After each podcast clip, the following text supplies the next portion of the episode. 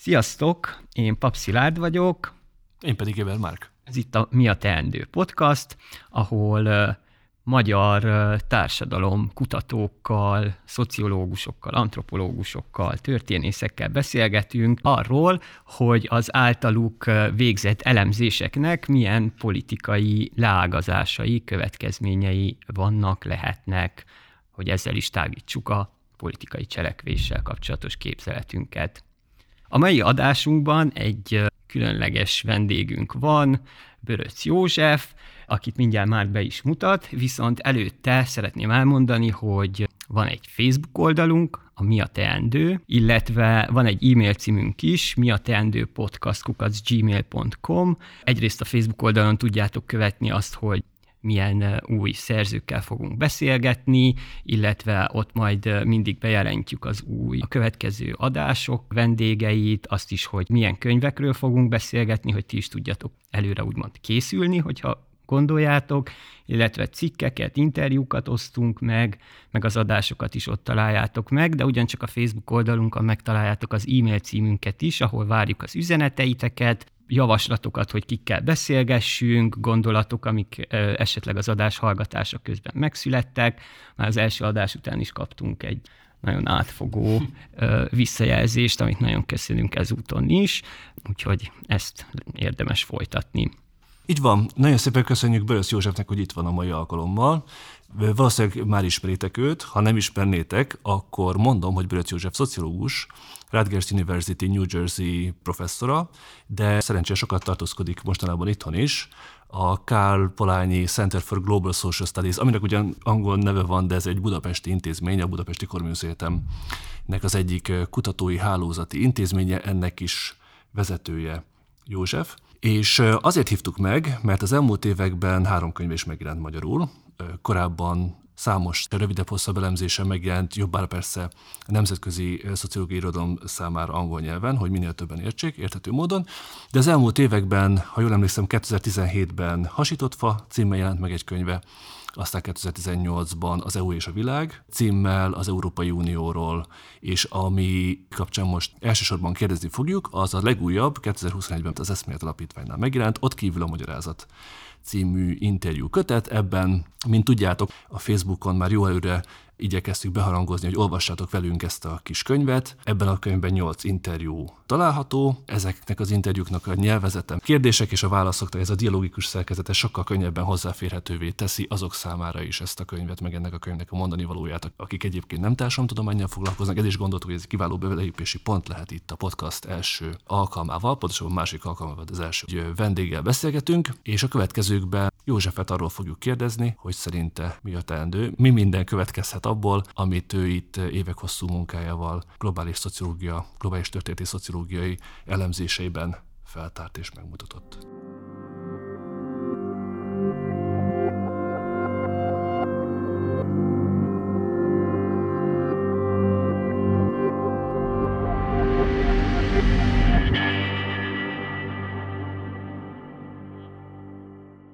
Nagyon örülünk, hogy itt vagy József. Köszöntünk téged itt a Partizán.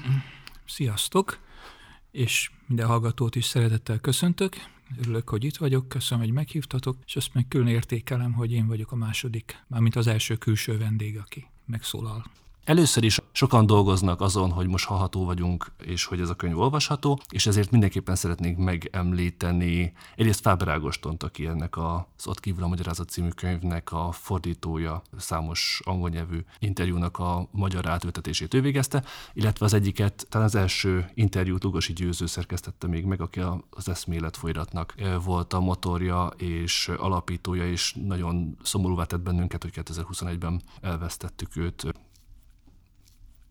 Nekem az van az első kérdésem, hogy ott kívül a magyarázat, akár csak a korábbi könyved, a Hasított Fa költészethez kapcsol bennünket, mert hogy József Attila Eszmélet című verséből vett idézetek ezek, hogy ez nagyon beszédes címválasztás, és nagyon sok mindent elmond, én azt hiszem. Egyfelől nyilván, tehát én bennem van egy ilyen irodalom használói véna is, Aha. és ez például az is kifejezi, hogy az eredeti végzettségem magyar tanár, uh-huh és hát nem véletlen, hogy József Attiláról van szó, sőt, az se véletlen, hogy az Eszmélet című versről, hiszen az Eszmélet című vers ről elnevezett folyóirat kiadója uh-huh. szervezetileg, hát mondjuk mögötte meg a könyvnek is.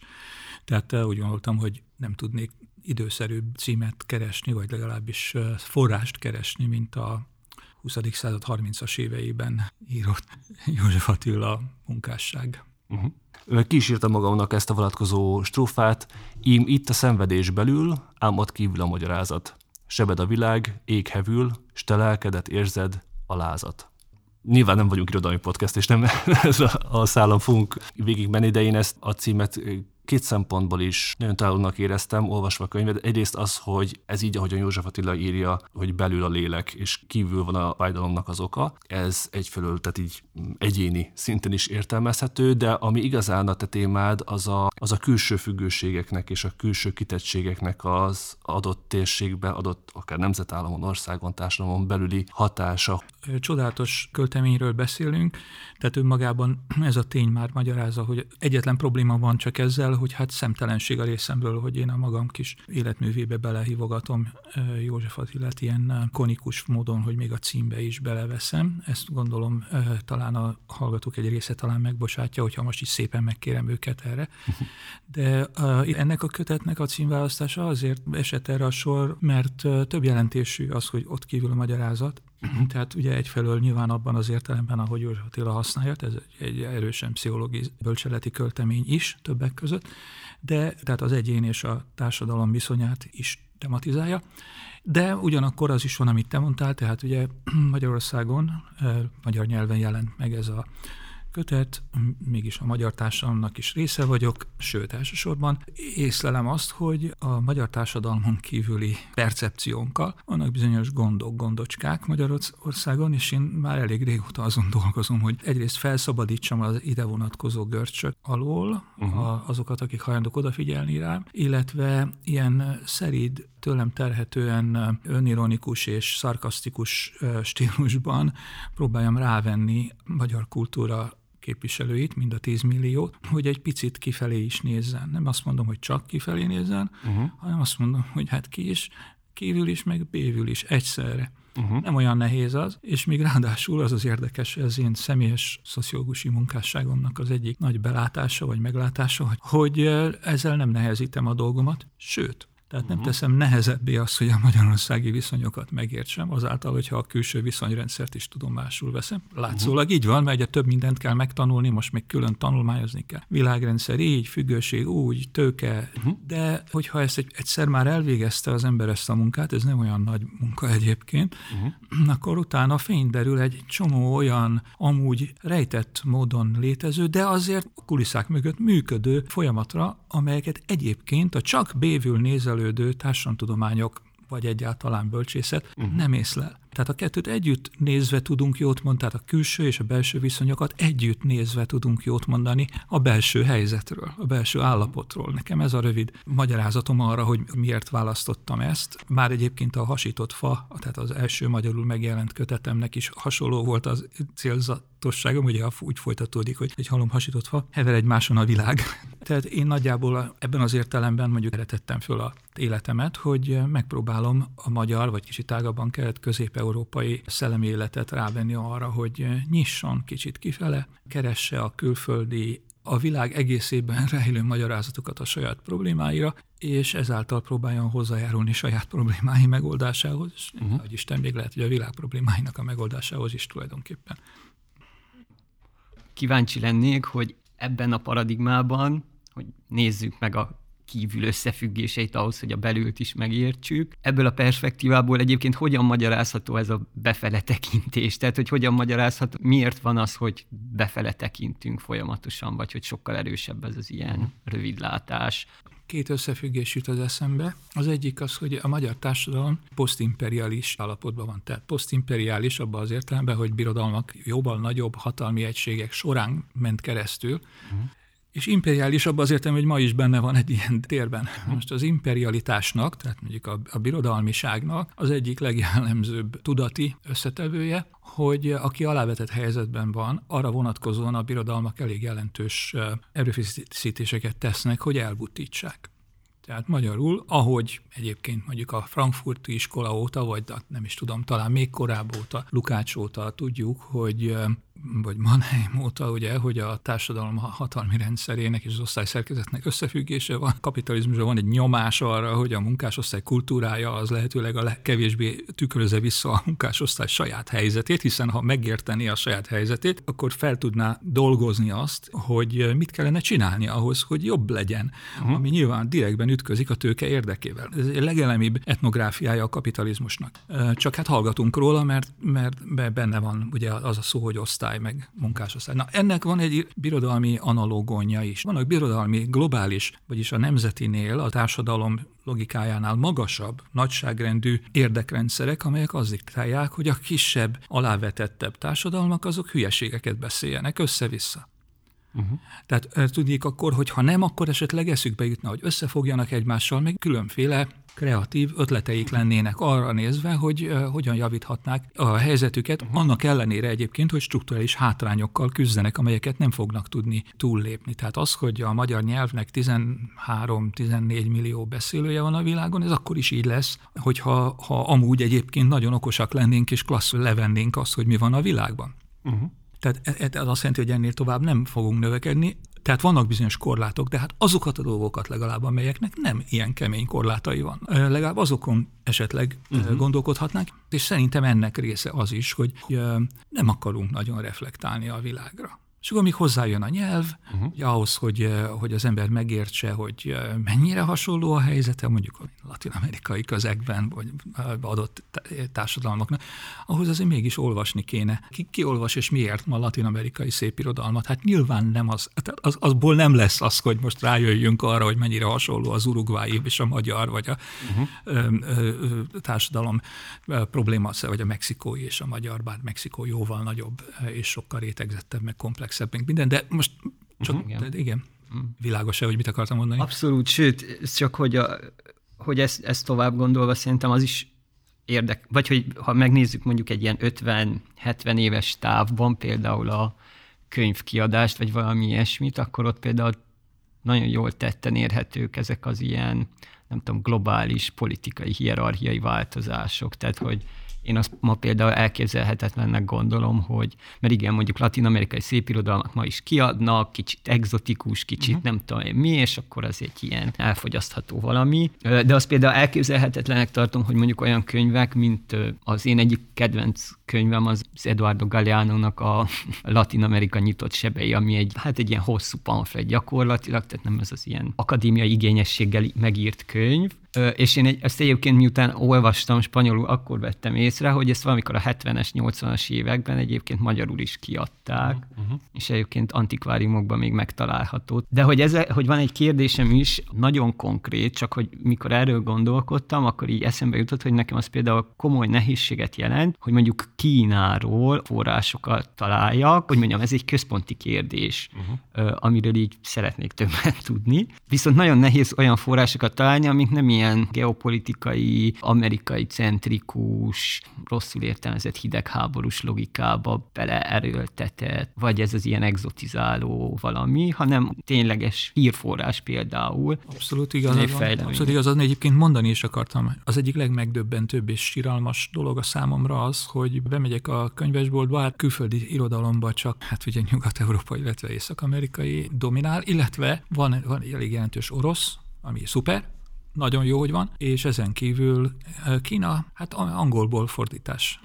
Tehát a dolognak mind, de mind biztos, hogy van a dolognak egy ilyen implicit geopolitikai tartalma, és hát az is teljesen nyilvánvaló, hogy mi, mi most ugye abba, abba a sodrásba vagyunk benne, hogy akkor jó egy kínai szerző, hogyha angolból lehet fordítani, most aztán túl azon, hogy egyébként nyilván exponenciálisan sokkal többen tudnak angolul, tehát for, tudnak könnyebb fordítani angolból, de mi minden jelentés vész el, hát ebbe belegondolni sem, mert az ember, és ugye még csak még a legnagyobb nyelvről beszélünk a világon, nem a, vagy csak egy, egy merő százmilliós nyelvről, részéről, mit tudom én, Bahasa, Indonézia. Tehát ugye ezek óriási struktúrális problémák, hányan tudnának ma Bahasából fordítani. Uh-huh. Tanácsot kértél, hát én nem tudom, most megmondom őszintén, nem tudom, hogy a Liu Cixin nevű science fiction szerző kínainak a, a három kötetes csodálatos ö, nagy ö, három test probléma című könyve például közvetlen kínaiból vagy angolból fordult ele magyarra, de az például hallatlanul érdekes kulturális sok volt a számomra, amikor elolvastam. Nem uh-huh. kis feladat, mert ilyen 800 oldal egy kötet, és három van belőle. Uh-huh. De hihetetlen, hogy mennyi minden kiderült belőle arról, hogy egy, egy adott kultúra ilyen csodálatos, kivételesen tehetséges képviselője, mint a szerző, hogy képzeli el a jövőt, az emberiség jövőjét. Uh-huh. Ezt hogy lehet elképzelni mondjuk progresszív, szocialista kínaiként. Uh-huh. Ami pedig a Latin Amerikát illeti, mondjuk magyar Latin-Amerikai Összevetésben. De igaz, hogy félperiféria az is, meg mi is. Két dolog különbözik. Az egyik, hogy sokkal élesebbek az belső egyenlőtlenségek, és régebb óta vannak. Uh-huh. Annak már kialakult kultúrája van, hogy a brazil vagy a kolumbiai társadalom az része annak a kultúrának, hogy hogy kezeljék. Nálunk erről ilyen szociológia órákon szoktak beszélgetni, de az utcán fiatalok nem nagyon szoktak az egyenlőtlenségek miatt tiltakozni, nem értem miért egyébként Magyarországon. És ennek összefüggésében most és a szellemi életet illetően pedig hát van egy rendkívül erős baloldali, baloldali populista irány uh-huh. a latin-amerikai kultúrákban uh-huh. ahol nem lehet máshogy ami utalni a kubai hajdan volt vezetőkre, mint a keresztnevükön, uh-huh. vagy hát vagy a becenevén, ugye, tehát Che és Fidel. Anyanyelvként olvassák Lukás Györgyöt. Uh-huh. Tehát a, a spanyol fordít, úgy értem, kulturális anyanyelvükként. Tehát az én magyarországi marxista barátaim, amikor kimennek mondjuk Brazíliába, akkor az a legelemibb megdöbben, kettőt is tudok ilyet, akinek a legelemibb megdöbbenése az volt, mikor kim volt, hogy te ezek jobban ismerik Lukácsot, mint én, Uh-huh. Tehát magyarul, hogy valódi baloldali, szellemileg integrált kultúra van. Más is van persze, mert a legborzasztóbb, hát, hogy mondjam, geopolitikailag beájuló komprádor értelmiség is van, és hát azért azt se felejtsük el, hogy az ottani értelmiség egyáltalán a polgárság jelentős része az ugye hát a világtól elszigetelt, körülkerített ilyen épületekben lakik, és az utcára nem mer kilépni. Tehát ez is van. Tehát ebbe az értelemben ezek mind távolabb vonása. Hát mondjuk mi még nem tartunk itt, bár kerített építkezés az már a magyar nagypolgári tudatú kispolgárnak is benne van a fejében. Uh-huh. Akinél a pénz van most, ugye, így nerileg. Uh-huh.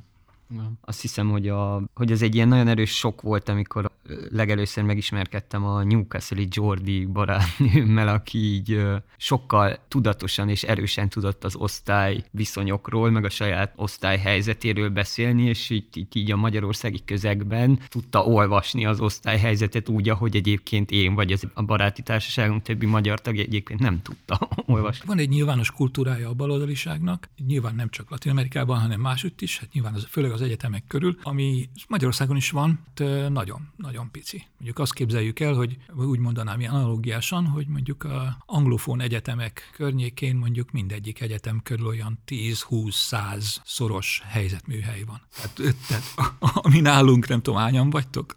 30? 20 valahány. Na igen. igen. Na ott meg mit tudom, 500. Uh-huh. Tehát, hogy az se sok, az, még az is egy törpe minoritás, ugye, de hát azért mégis egész más.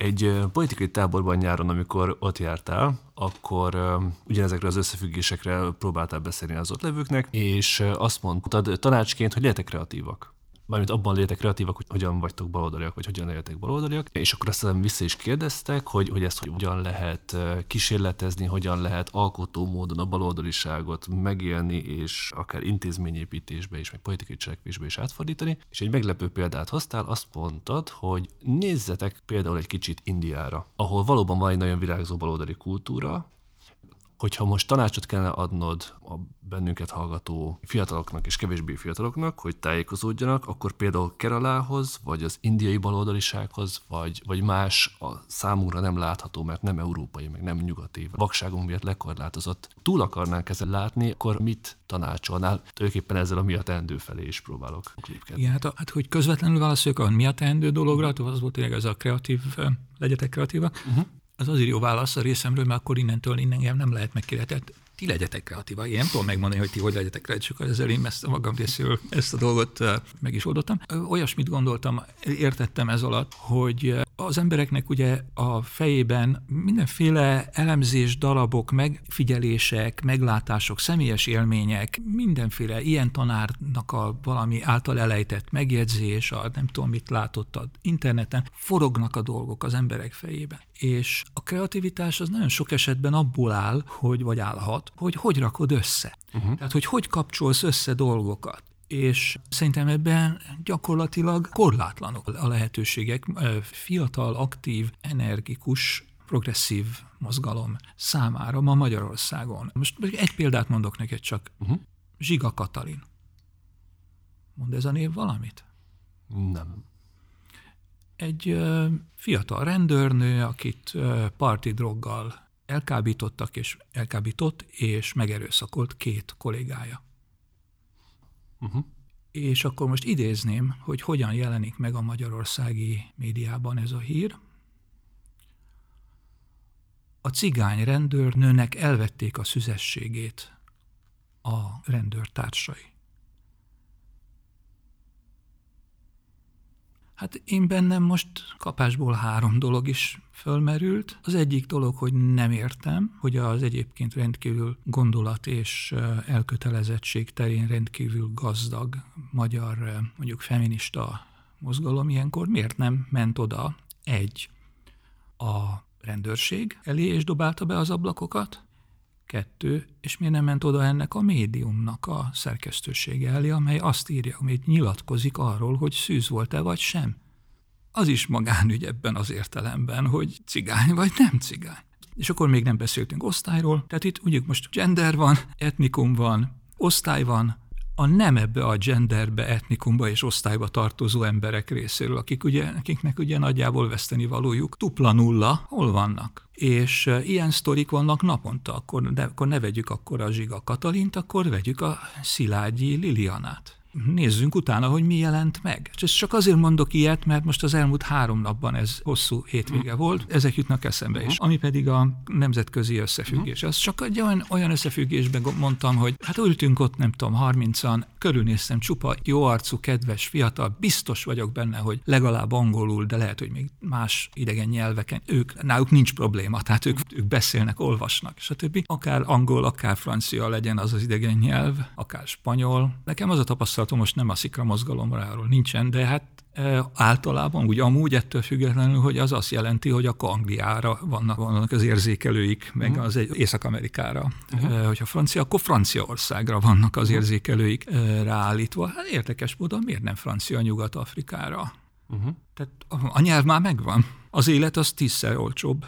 Én Indiát hoztam ott elő, mert az én életem úgy hosszú egy időben sokat jártam oda. Kenya, Dél-Afrikai Köztársaság, tele van a világ olyan országokkal, meg polgáraival, csodálatosan tudnánk érintkezni. Gond nem lenne, őket is érdekelni, garantálom, hogy nagy számban találna bármely mozgalom, vagy akár egyén is kapcsolatokat, amelyek érdekelnék őket azt is megvan, amikor én először elkezdtem járni eh, Indiába, akkor egyszer voltam Delhiben, és ottani magyar, van egy ilyen magyar kulturális intézet ott is, és őt meglátogattam a vezetőjét annak az intézetnek, elég jót beszélgettünk, és eh, akkor én a véletlenül épp a Rutgers University-n a munkahelyemen a magyar intézet vezetője voltam, uh-huh. és mhm. akkor így, ilyen apropóból mennyire más. A Rutgers intézetnek az volt a lényege, hogy nem a magyar kulturális kormányzat alá tartozott, hanem a Rutgersbe. Ez a vezető mondta el nekem, hogy a múltból örököltek tudom, valami egészen nagy számú ösztöndíj lehetőséget. Tehát mit tudom, évente 25 ösztöndíj lett volna indiaiaknak jönni Magyarországra, és magyaroknak menni Indiába. És arról panaszkodott nekem, hogy már évek óta nincs jelen, kettőt tudnak elküldeni. Tehát nem azért, mintha problémátlan lenne India, iszonyú problémák vannak. Ha valaki úgy dönt, hogy oda megy, akkor hívjon föl, vagy írjon egy e-mailt, majd elmesélem neki, hogy hogy kell kezelni a szúnyog problémát, hogy ne kapjon maláriát, és hogy mit kell csinálni, ha kijön a csapból a skorpió, meg mit. De, de ezzel együtt, ahhoz, hogy az ember egy kicsit újra kalibrálja a világra vonatkozó nézeteit, esetleg nem biztos, hogy kizárólag azt kell csinálni, hogy a budapesti 12. kerületből nézzük a Észak-Amerikát. Uh-huh Tehát mondjuk a számtalan ilyen megfigyelésem van, ilyen csak ilyen nyelv, szociológiai apróság. Volt egy kollégám, aki panaszkodott, volt egy egész jó írása. Nagyon jól tud angolul az illető, és egy előadást hallottam, és az, amit ő tartott, és mondom neki, hogy te ez szuper, publikáld. És azt mondja, hát figyelj, Magyarország, hogy hát te hát nem, nem fog menni, hát ez senkit nem érdekel. Hát nem, nem is gondoltam, hogy Magyarországon. Uh-huh. És akkor hogy rám néz, azt mondja, külföldön? Mondom, igen. Hát miért, miért fogadna el tőlem egy, egy amerikai lap? Egy cikket. Hát mondom, először is azért, mert jó a cikk, uh-huh. de egyébként én nem mondtam, hogy amerikait. És akkor így néz, és akkor ajánlottam neki egy konkrét indiai folyóiratot, melynek van, ha jól emlékszem, 450 ezer előfizetője, ami azt jelenti, hogy két millióan olvassák uh-huh. Budapestről. Én háromszor publikáltam, mert nem a dicsekvésből mondom, csak azért mondom, hogy lehet. Tehát az ember elküldi angolul, és akkor vagy közlik, vagy nem. És hogyha igen, akkor az megjelenik. Tehát, és ez ilyenből nagyon sok van. És nem igaz, hogy nem érdekelni a világot, érdekli a világot, hogy mi mit tudunk mondani, hogyha jót tudunk mondani. Uh-huh. Tehát, és ez az igazi kihívás. Az, hogy az ember a geopolitikailag speciál éppen időszerű könnyűlállásoknak megfelelő szöveget mondjon valaki, a szellemileg egy, nem egy nagy teljesítmény. Azt nagyon könnyű megtanulni, hogy mit kell mondani. Uh-huh. Annál sokkal nagyobb teljesítmény az, hogy az ember olyat mondjon, ami esetleg eh, azon kívül is érvényes lehet. És ez analogiás módon azt gondolom, hogy ez a nem csak a tudományos termelésre igaz, meg a kapcsolatteremtésre, hanem a mondjuk így politikai párbeszédre is. Hát ez volt ez az ötlet, hogy uh-huh. harmadik világ. Tudom, hogy ez bizonyos értelemben elvisz bennünket a magyarországi állapottól, és itt is van elég baj, de én nekem meg az az állításom, hogy közben vissza is hoz bennünket ehhez, a, mert másként látjuk ugyanazt a problémát. Másként tudom megfogalmazni a Zsiga Katalinnal kapcsolatos rasszista, genderlehúzó és osztály elnyomó szöveget, uh-huh. hogyha láttam mást is, mint Magyarországot, illetve a, a nyugatnak ezt végtelenül idealizált képét, amit pörög itt a mi köreinkben. Uh-huh.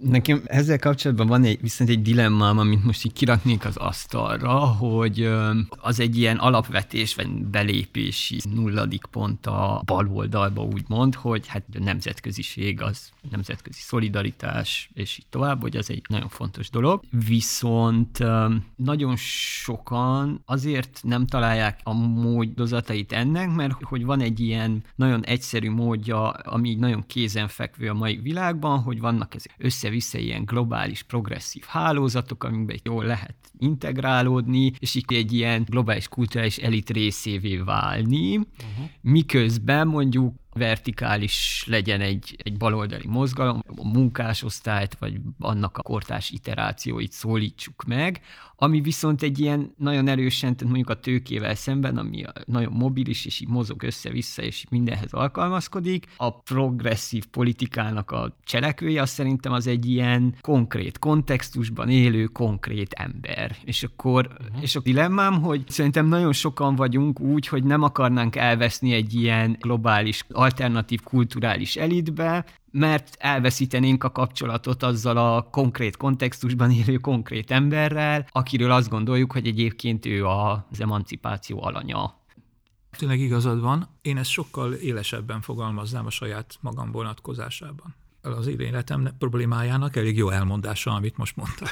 Hát, hogy, Nem, hogy, hogy én ugye egy adott kihívás halmazra, ami, melyel szembesültem, amikor végeztem Debrecen az egyetemen, és elég el nem ítélhető módon, annak ellenére szociológus akartam lenni, hogy nem Budapesten, a megfelelő két kerületben nőttem fel, ahonnan akkoriban rekrutálódott ugye informális úton. Akkor én egy olyan döntést hoztam, hogy akkor én megpróbálok szociológus lenni úgy, ahogy lehet, és az akkor úgy lehetett, hogy az USA-ba mentem ki, először magyar tanárnak, és, és akkor közben így fű alatt elkezdtem rész időben, tehát ilyen esti tagozaton szociológia doktorit csinálni, és aztán átmentem teljes egészében erre. Ebben valószínűleg abban az értelemben van igazság, hogy én azt a kevés kapcsolatomat, ami volt mondjuk az én saját nagyszüleim osztályai, osztályaival, valószínűleg elvesztettem, vagy elhalványultak. De hát én nem azt mondtam, hogy mindenkinek ezt kéne csinálni, amit én. Sőt, Isten ments, két dolgot mondok egyszerre. Az egyik, én általában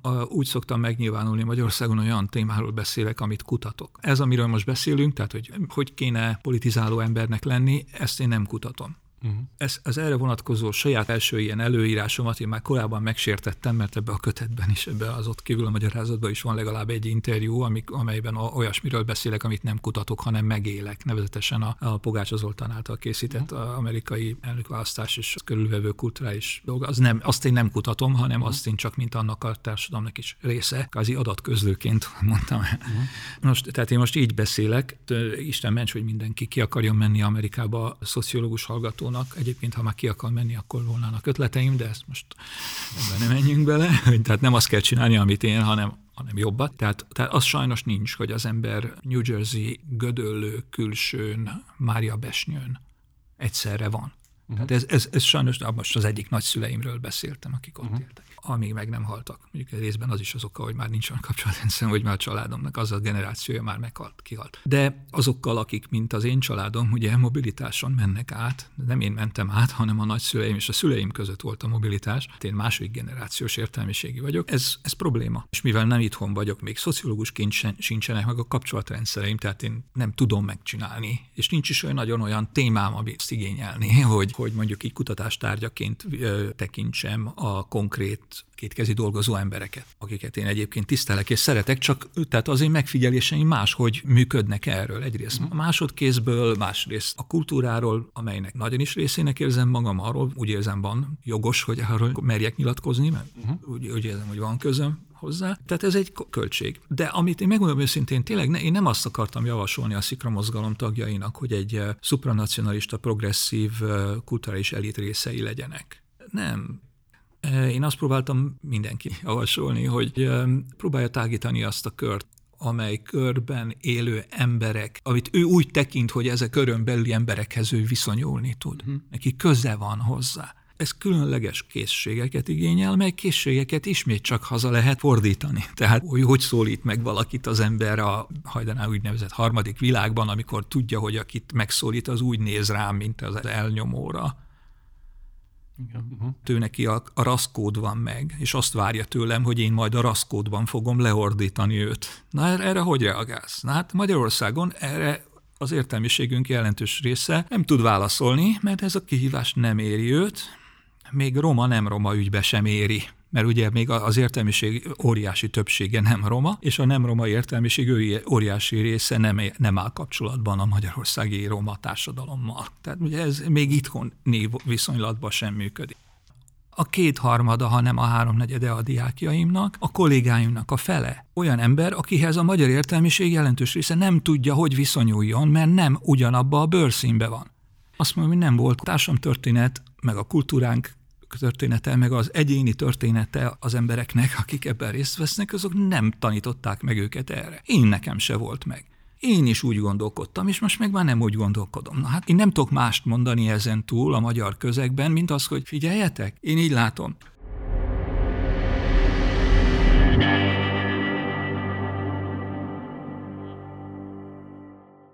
A nyolcadik interjú az én kedvencem, amit Pulai Gergő és Gagyi Ágnes készítettek, és ennek a, címe is nagyon jó, hogy hősiesen közdünk, hogy európaiként lássuk magunkat. Ugye tulajdonképpen azt is mondhatnád, hogy hősiesen küzdünk azért, hogy fehérnek lássuk magunkat, vagy fehérnek hát tudjuk magunkat. Akkor még ezt nem mondtam, de igen.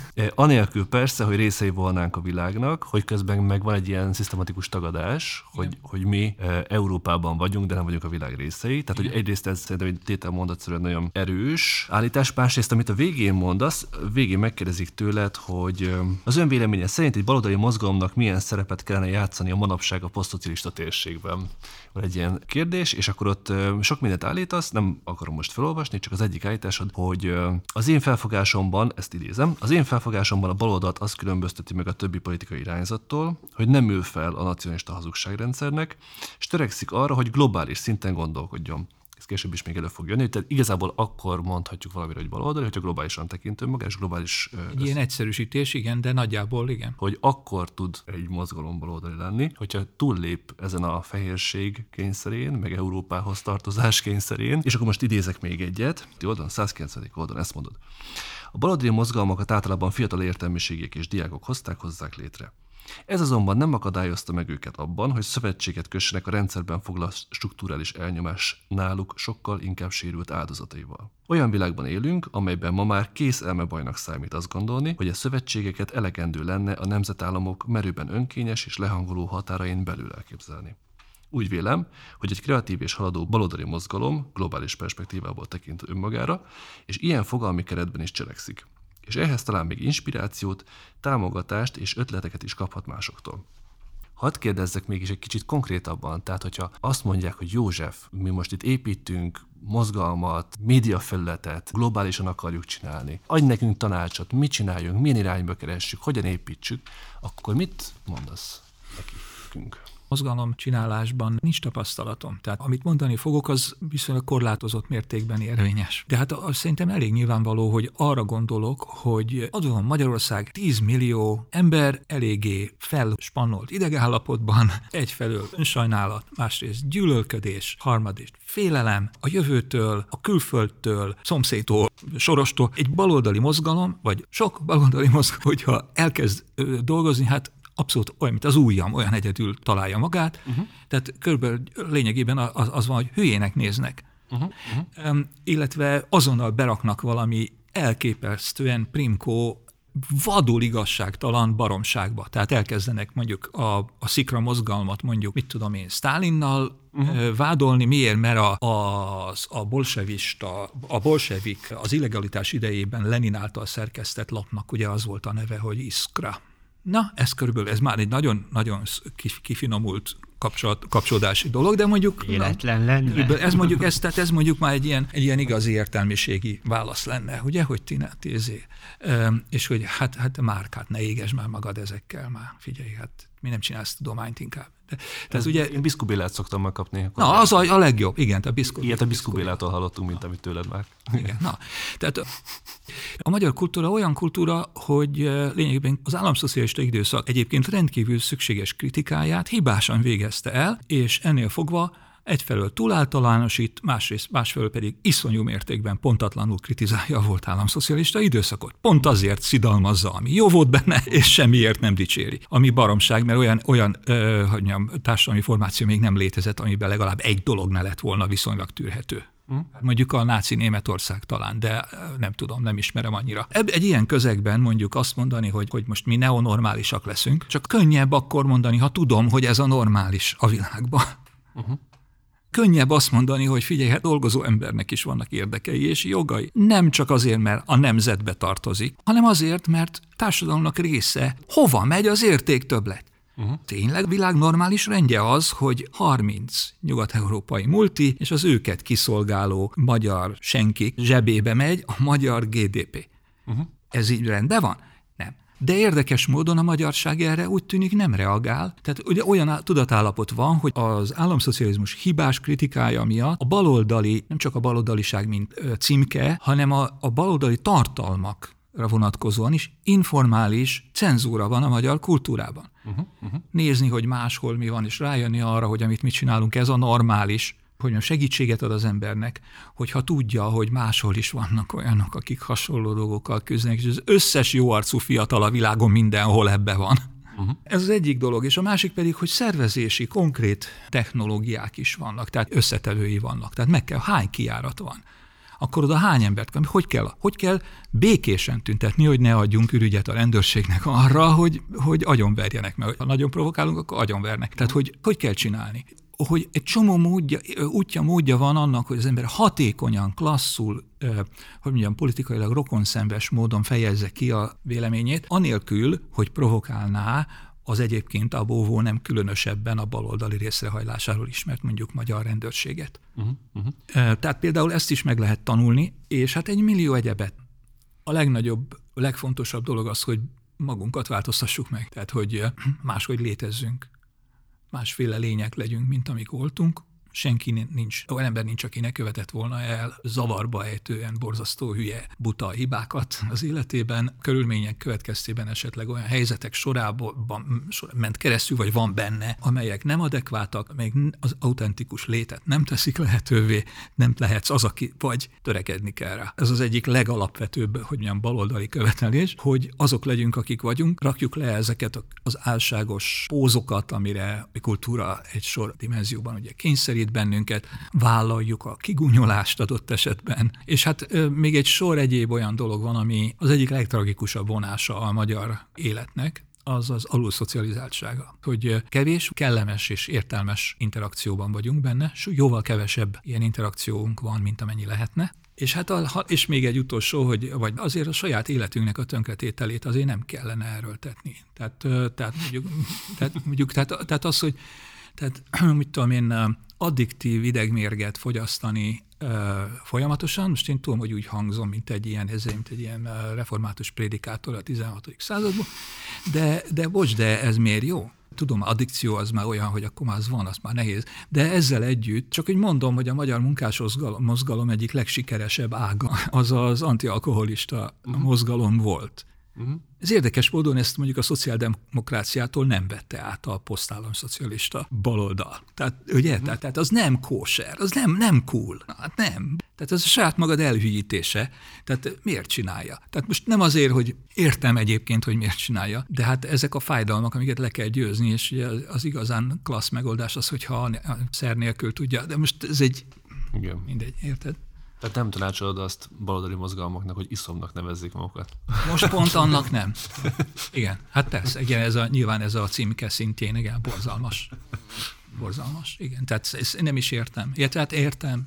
Én egy kicsit ilyen anakronisztikus vagyok ebből a szempontból, mert én, én tényleg egy ilyen viszonylag tradicionális székelyföldi kis faluból származom, annyira nem kicsi, de mondjuk igen, szóval egy ilyen négyezres lakosság a falu, és hogy azok a fajta ilyen, most nem akarom idealizálni, egyáltalán nem, mert nem véletlenül nem télek, vagy nem tudom, szóval nem akarom idealizálni, de hogy az a fajta, hogy mondjam, ilyen közösségi norma alkotás, hogyha nem tudom, letöröd a részegen a szomszédod kerítéséből egy lécet, akkor az, az annak van valami, hogy, hogy nem tudom, a közösség megvédi azt a, azt a dolgot, vagy hogy ezek a dolgok, ezek nagyon hiányoznak, és hogy magyarországi vagy Budapest alternatív baloldal, vagy nevezzük akár, hogy ilyen posztszocialista baloldalból is ez így, ez így szerintem nagyon hiányzik, hogy, hogy nagyon tudjuk, hogy egyébként mi ha, hogyan határozza meg az, az osztályhelyzetünket, meg a pozicionalitásunkat, ezt így tudjuk elemezni napestig, de hogy közben pont az hiányzik, hogy közösségként meg tudjuk mondani, hogy így mi oké, okay, meg mi nem oké. Okay. Uh-huh. És csak azért, azért akartam idehozni, mert hogy, hogy van, a, van a könyvben egy nagyon szép ilyen antirasszista mondat, amit talán szeretnék is idézni, tehát hogy a, a válaszvonalak a becsületes és a becstelen, mhm. kedves és mogorva, rossz indulatú és jó indulatú, tehetséges és tehetségtelen, szorgalmas és lusta emberek között húzódnak, az erkölcsi, érzelmi, lelki folyamatokat, amelyeket egyébként mi nagyon jól tudunk emberekben értékelni, nem lehet úgy beállítani, hogy azok egybeessenek valamiféle bőrszínkóddal. Uh-huh. Ugye, és hogy ez egy, ez egy nagyon fontos dolog, amit nagyon sokszor el kell mondani, amikor mondjuk így az ilyen mesterséges különbségtételek kimondottan kizsákmányolást igazolni akaró mesterséges különbségtételekről beszélünk, mint amilyen a rasszizmus, de hogy, hogy azon gondolkodom, hogy ezt így néha így ettől elvonatkoztatva is néha ki, ki kéne mondani így magunk között is, uh-huh. hogy, hogy ez fontos.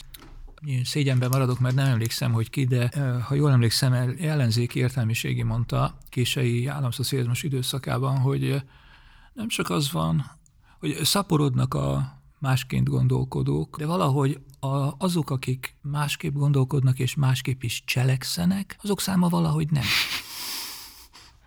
De valami ez a ez, Tehát, hogy ez, szerintem ez van ma is. Tehát, hogy mondjam, ugrálni könnyű, nagyobb lépés megváltoztatni az életünket. Tehát ilyen nagyon egyszerű módon. De mondjuk a köztér például az, a, az kiváló terepe ennek.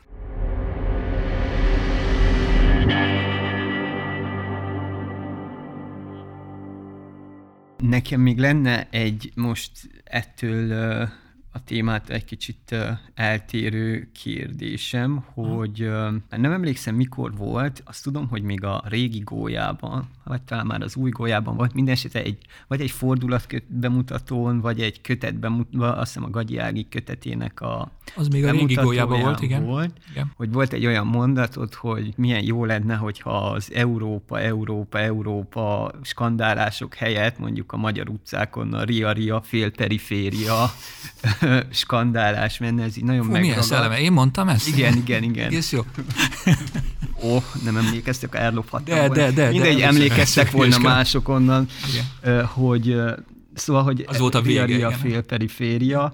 Szóval, hogy ezzel kapcsolatban akartam ezt kérdezni, hogy milyen ilyen alternatív integrációs modellek vannak, léteznek gyakorlatban amik esetleg itt például szolgálhatnak, vagy nem tudom, amit az lehetne a, tanulni. Én írtam egy könyvet az euról, és akkor, amikor annak a vége felé jártam, akkor utána néztem, akkor, tehát most 2009 körül, ami az angol nyelvű eredeti, több ezer regionális integrációs rendszert találtam a világon.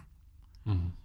Nyilván egyik se olyan intenzív, és nem, közel sem akkora az ambíciója, most nem is beszélve, hogy egy részének ugye nyilván, tehát az EU egészen speciális, mert ugye nyakig benne áll a gyarmati múltban is, ugye konkrétumok egész különösek, de mindegy nagyon nagy számú regionális integráció van, amit emberek ki tudtak találni, az meg van csinálva. Mert figyelj, alkalmat ad arra, hogy politikusok utazgassanak, és még 14 napi díj és teljes ellátás, ötcsillagos szálloda, és nem történik semmi, tehát szuper. Tehát mondjuk ennek az, az alapmintáját a globálisan ezt a V4-re tudnám uh-huh. kihegyezni, ahol, ahol ezek figyelj, ezek nem is tudom, három havonta vagy mikor találkoznak, és szuper jó, mert meg semmi nem történik, tehát baromi klassz jól versenyeznek utána a BND És utána alá, alá vágnak egymásnak, tehát meg, a Bratizna megisszák a pivót, meg a nem tudom mit, ami éppen van, pálinkát, és utána hazajönnek, és utána alá ajánl a másiknak, mondjuk munkabérbe, mert hát így szoktunk. Én nem erre gondoltam,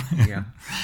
hanem mondjuk arra gondoltam, hogy alternatív, valódi alternatívákat, nem azért, hogy le kelljen váltani, le kellene, vált, le kellene váltani az EU-t. Én többször mondtam már, én nagyon kritikus vagyok az EU-val szemben, de nem azért, mert utálom, hanem azért, mert én így szeretem, ilyen szigorúan. Hogy, tehát, hogy ez van adva, ez, ez volt, nem volt alternatívája adott, eset, adott pillanatban, ezt én beismerte, azóta nem volt a geopolitikai konyilálás, hogy nem lehetett akkor máshogy. De azt nem tudom, hogy miért nem lehet egyéb szintén működő dolgokat kitalálni. Például mind a, mind a négy v, V4 tag EU tag. Tehát az, nem, az EU nem érezheti azt magával szembeni agressziónak, hogyha ezek erősítik a, az együttműködésüket miért nem hoztak létre egy V4 nevű fizetőeszközt? Most csak így hülyéskedem, de hogy, tehát, hogy mondok valamit, vagy miért, miért nem az van, hogy cseh villamosokat vásárol Budapest továbbra is? Miért? Mert cseh mert mi őket szeretjük, nem pedig a 15 éves lehasznált kölni villamosokat. Például miért nem kezdték el gőzerővel tanítani a különféle nyelvek, főleg a magyaroknak a szláv nyelveket, mert ugye ők el vannak egymásra. Most így konkrétan én eltöltöttem egy évet Lengyelországban, imádnak bennünket, tehát hihetetlenül kedvesek, csak azt, azt kell mondani, hogy esztem vengrem, és akkor minden abszolút rendben van minden. Minden megoldódik, és tényleg abszolút. Hát mondjuk a magyarok nem szokták ennyire mondani a lengyelekkel, de déliek vagyunk, melegebb is van, Balaton. De hogy miért nem tevődött át mondjuk integráció formákban miért nem jár a fél magyar diákság a Krakói meg a Varsói Egyetemre, tehát hogy valódi integráció legyen, társadalmi integráció, ahol egymásba folynak az intézmények. Miért nem hozunk létre egyetemközi diákbizottságokat. És ezt, ez véletlenül épp félperifériás lenne, és még van néhány félperifériás ország, Bulgária, Románia, a volt Szovjetunió nagy része, majdnem a teljes Jugoszlávia, lesz, volt Jugoszlávia, Szlovéniát leszámítva, hogy talán Koszovó kicsúszott alul, de illetve én akkor azt hiszem ott abban a összefüggésben mondtam ezt, hogy még nagyobb értelemben. Jó, hát drága repülni, csak Latin Amerikát tudom mondani, miért nem járunk oda állandóan? geopolitikailag kreatív dolog. Abban lenne valami állítás. Engem lehangol, hogy az eltelt 32 év, úgy 1989 óta föl nem merült például egy ilyen integrációnak az igénye, és hát még egy csomó egyéb lehetne, de amikből lehetne csinálni valamit, és nem csináljuk. Nem csináljuk, mert ez befektetést igényelne, víziót, és hát az, az nagyon, nagyon kevés van igényelni azt is, hogy, hogy azok, akik ezt kezdeményezik, azok ért, értsék a belső osztályviszonyokat is, ami itt történik, mert hogy, hogy olyan értelemben most is van ilyen, nem tudom, ilyen dél-kelet-európai integráció, hogy azért megvesszük a Mészáros Lőrincnek a, mit tudom én, a macedón újságokat, meg a szlovén újságokat, meg nagyon terjeszt, szóval, szóval hogy, hogy mondjam, egy kicsit ilyen, ilyen imperialista módon lépünk fel egész Balkánon per pillanat, ami, ami nyilván egy, egy integráció, csak hát Hát én nem pont a tőke számára való integrációra gondoltam, hogyha most így rákérdezel, igen. igen, igen, igen. Én inkább, én, én szociológus vagyok, én társadalomból próbálok kiindulni. Tőke az egy ilyen szükségtelen rossz. Nagyon szépen köszönjük József, hogy itt voltál, és hogy beszélgettél velünk a Mi a teendőről a könyvet kapcsán. Arra kérjük hallgatóikat, hogy ha még nem olvasták volna ezt a könyvet, akkor mindenképpen olvassák el, tehát ott kívül a magyarázat a címe, Társadalomkritikai beszélgetések Böröc Józseffel az alcíme. Az Eszmélet Alapítvány adta ki 2021-ben, és mi úgy láttuk, úgy láttam, hogy a Napvilág kiadónak a webshopján keresztül talán a legegyszerűbb a beszerzése, és arra is kérünk, hogy ha tetszett ez a beszélgetés, akkor egyrészt írjatok nekünk Facebookon, a Mi a Teendő podcast. Ez a Facebook címünk is, vagy egy ilyen Gmail címünk is, mi a teendő podcast kukac gmail.com illetve, hogyha még nem támogatnátok a Partizánt, akkor azért kérjük, hogy támogassátok a Partizánt, hogy ilyen beszélgetések létrejöhessenek. Itt jelentős számú embernek jelentős munkája van abban, hogy az, amit mi itt beszélünk, az eljuthasson hozzátok hangmérnök, dolgozik, az ügyletek megszervezésében és más egyéb feladatokban is emberek dolgoznak, akik lehetővé teszik számunkra, hogy, hogy milyen módon beszélgethessünk és bekapcsolódhassatok. Úgyhogy arra kérünk, hogy ilyen módon támogassátok. Három hét múlva, február 13-án a tervek szerint Gerős Tamással fogunk megint érkezni, és a Facebookon fogjuk jelezni, hogy mi az a könyv, amit szeretnénk, vagy javaslunk, hogy olvassatok el addig. Annak pedig az a cím, hogy Magyarország függő fejlődése, és megközelítés módjában, szemlélet módjában valójában eh, igen közel áll ahhoz, amit Józseftől olvashatunk, eh, mert hogy igen, Tamással erről fogunk beszélgetni, tulajdonképpen bizonyos értelemben a helyzetműhely és Tamásnak a munkásság is nagyon szorosan kapcsolódik a te munkásságodhoz. Nagyon szépen köszönjük, hogy itt voltál. Én köszönöm. Köszönjük szépen. Sziasztok. Köszönjük szépen a figyelmet is. Sziasztok. Sziasztok.